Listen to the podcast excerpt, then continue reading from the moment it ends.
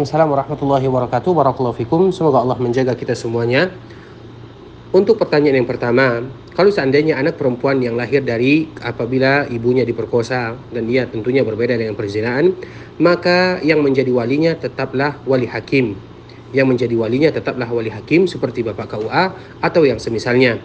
Kemudian untuk yang kedua, kalau seandainya tidak ditanya oleh calon suaminya tersebut tidak perlu memberitahu karena itu merupakan aib dan apabila aib ditutup oleh Allah Subhanahu wa taala maka kita lebih pantas untuk menutupnya.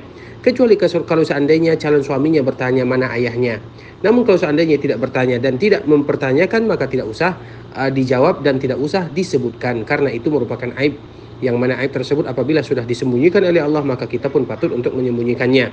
Namun itu dikembalikan kepada situasi dan kondisi terutama kalau seandainya dia ingin menikah Kemudian untuk pertanyaan poin yang ketiga, kalau seandainya anak perempuan tersebut di, sudah diketahui, maka dia tidak berhak mendapatkan ahli warisnya karena bagaimanapun secara syariat Islam itu bukan ayahnya, hanya saja ayah biologis saja sehingga tidak ada hak warisan untuk anak tersebut.